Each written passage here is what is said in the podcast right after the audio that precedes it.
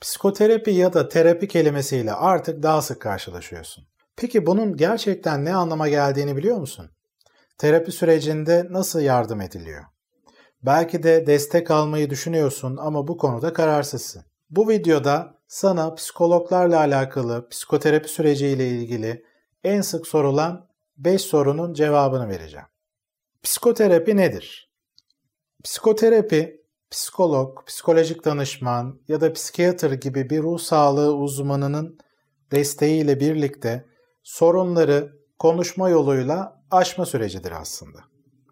Bunun tabii ki kendi içinde belirli özellikleri var. Yani konuşma yoluyla çünkü birbirine yardımcı olma senin gündelik hayatında da olan bir şey. Eşin dostun da sana sorunlarını konuşarak aslında yardım etmeye çalışıyor. Ama psikoterapi bunun ötesinde bir şeydir. Kendine özgü bu özellikleri birazdan anlatacağım. Psikoterapiyi normal bir sohbetten ayıran şeylerdir. Ve bu farklılıklar nedeniyle de zaten psikoterapide sonuç alma şansımız oluyor. Psikoterapide seninle terapistin arasında güvene dayalı bir ilişki oluşturulur. Seans odasında konuşulan seans odasında kalır. Terapistin seni yargılamaz. Anlattığın şeyler karşısında sana eleştirel, yargılayıcı bir üslupla yaklaşmaz. Aranızda açık ve kaliteli bir iletişim vardır. Sende mesela gördüğü belli noktaları açık bir şekilde geri bildirimle sana yansıtır. Normal şartlarda diğer insanlar bu kadar açık bir şekilde seninle alakalı gözlemlerini paylaşmaz.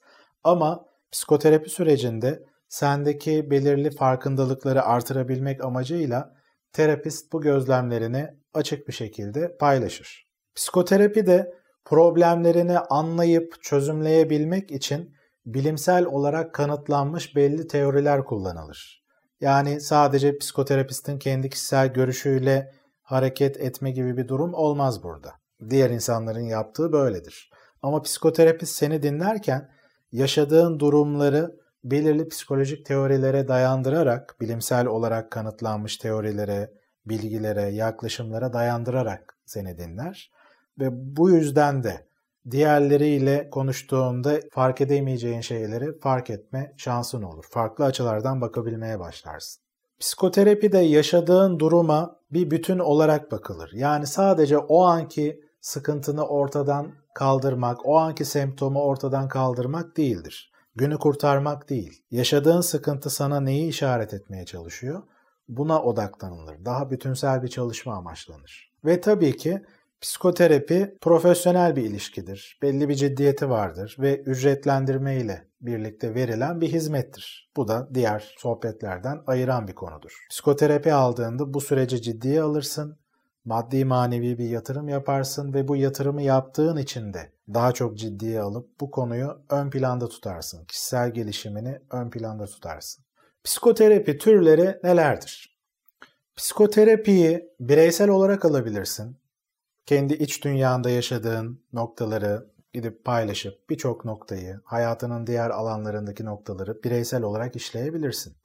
Çift terapisi olarak alabilirsin sevgilinle ya da eşinle aranda yaşadığın sorunları işlemek için. Aile terapisi alınabilir. Ailedeki tüm üyelerin arasındaki belli sorunları işlemek açısından. Özellikle ergenlik döneminde yaşanan sorunlarda aile olarak bir arada destek almak faydalı oluyor. Bunun dışında grup terapisi alabilirsin.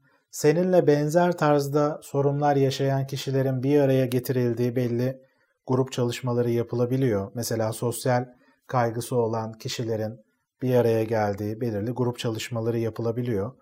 Orada böyle bir destek alabilirsin. Bunun dışında terapiyi alma şeklin illa yüz yüze olmak zorunda da değil bu arada. Hani bir dipnot olarak bunu vereyim online olarak görüşme şansın da var. Tabii ki yüz yüze olması her zaman daha tercih edilir bir şeydir. Çünkü karşılıklı bağ kurmak daha kolaydır. Ama görüntülü konuşma yoluyla da eğer şartlar, kısıtlılıklar nedeniyle böyle bir gereklilik varsa görüntülü konuşmayla da psikoterapi seansları yürütülebiliyor. Psikoterapinin etkinliği nelere bağlıdır? Psikoterapinin etkili olmasını sağlayan tabii ki birçok faktör var.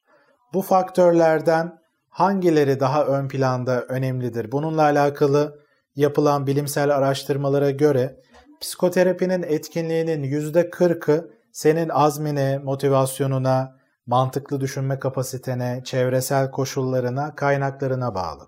%30'u senin terapistinle kurduğun ilişkisinin kaliteli olmasına bağlı. Yani arada güven varsa, arada açıklık, dürüstlük varsa %30'luk bir terapiden daha fazla fayda sağlama fırsatı oluşuyor. Terapinin etkinliğinin %15'i terapiden olumlu beklentiler içinde olmana bağlı. Yani terapiye pozitif bir duyguyla başlıyorsan, evet bu yöntem işe yarayabilir, fayda sağlayabilirim, pozitif bir ruh halinde başlıyorsan %15'lik bir etkisi var. Ve işin ilginç tarafı psikoterapi yönteminin kendisinin sadece %15'lik bir etkisi var. Yani hangi terapi yöntemini uyguladığın sadece %15'lik bir etkiye sahip. Dolayısıyla da açıkçası hangi terapi yönteminin uygulandığı çok çok ön planda önemli değildir.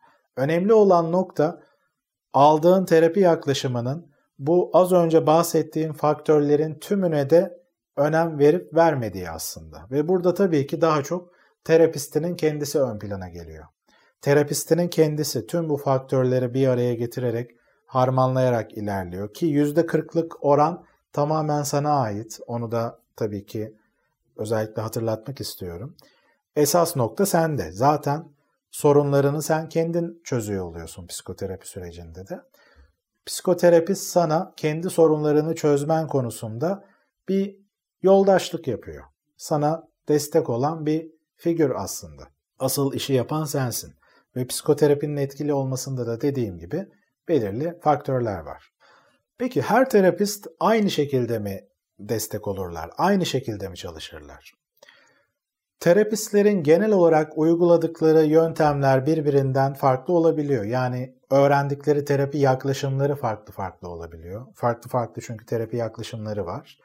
Bu yaklaşımları uygularken genel olarak kullandıkları yöntemler, değerlendirme süreci, değerlendirmede ön planda dikkat edilen noktalar, sonra terapi planlaması ve hangi noktalar üzerinde durulduğu noktası aşağı yukarı benzer olabilir.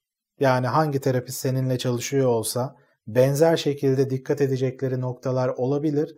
Ama tüm bunları uygulamaya dökme tarzları, şekilleri, belki önceliklendirmeleri, seninle iletişimleri tabii ki kendine özgü olacaktır. Bunları bir araya getirme şekilleri farklı olacaktır. Psikoterapi aslında hem bir bilim hem de bir sanat olarak kabul ediliyor. Dolayısıyla da psikoterapistin kendi uzmanlığının yanında sana yaklaşım şekli, iletişim kurma tarzı da burada önemli bir faktör aslında. Önemli bir farklılıktır. Psikoterapi ne kadar sürer? Psikoterapinin ne kadar sürdüğünü de etkileyen tabii ki birçok etken var.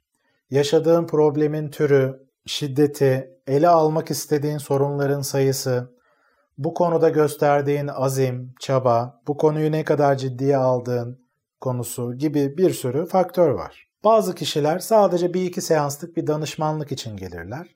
Alacağını alırlar ve bu yeterli olur. Genel bir değerlendirme yapmak istiyorlardır. Bazı kişiler için 8-12 seanslık bir çalışma yeterli gelebilir. Bazıları da daha derinlemesine, daha kronik sorunları ele alma ihtiyacındadırlar. Dolayısıyla 6 ay ya da daha uzun süreli haftalık çalışmalarla ilerleme gerekliliği olabilir. Burada terapinin ne kadar süreceği konusu ilk değerlendirme seansıyla 1-2 seansla birlikte daha netleşmeye başlar ve terapistinle birlikte karşılıklı olarak bir anlaşma yaparsın. Hangi sorunları terapi sürecinde ele alacaksın? Beklediğin süre nedir? Daha doğrusu ne kadarlık bir süre ayırmayı planlıyorsun? Ve bunlar senin beklentilerinle ne kadar uyumlu? Tüm bunlar zaten terapi planlamasında ayrıntılı bir şekilde değerlendirilip karşılıklı olarak bir uzlaşmayla yapılıyor. Peki psikoterapi alanı ile alakalı başka hangi noktaları merak ediyorsun? Bu alanı tanıtmakla alakalı daha çok video çekmeyi planlıyorum. Dolayısıyla bununla alakalı sorularını, görüşlerini, düşüncelerini aşağıdaki yorumlarda paylaşırsan sevinirim. Daha sonra video konularını planlarken buradaki sorulara, düşüncelere, yorumlara özellikle dikkat ediyorum. Bu arada buradan yazdığın soruları doğrudan ne yazık ki cevaplandıramıyorum. Çünkü buraya ayırdığım zamanı yeni videolar hazırlamak, yeni içerikler üretmeye ayırmak istiyorum. Ama yazdığın soruları videolar üzerinden cevaplandırıyor oluyorum. Böylece sadece bu bilgi sana ulaşmayacak, senin gibi birçok kişiye ulaşmış olacak. Dolayısıyla daha önce anlatmadığım konularla alakalı eğer belli noktalar olduğunu görüyorsan bunu yazabilirsin. Bu arada herhangi bir soruyu yazmadan önce daha önce bu konuda bir video çekmiş miyim? Bunu cevaplandırabileceğim bir nokta var mı? Buna benzer bir video var mı? Öncelikle bakmanı öneririm. Çünkü genelde sorulan soruların birçoğu daha önceden zaten anlatmış olduğum konulardan geliyor. Orada tek yazabileceğim şey şu videoyu tekrar izle gibi oluyor. Dolayısıyla bunu sen baştan yaparsan her ikimiz için de daha kolay olur. Evet, kanalıma abone olmadıysan abone olmayı ve beğendiğin videoları işaretlemeyi unutma. Bu arada bu videoların faydalı olabileceğini düşündüğün yakınlarına, arkadaşlarına, dostlarına da videoları doğrudan paylaşabilirsin kendi sosyal medya hesaplarında. Peki, sonraki videolarda görüşmek üzere.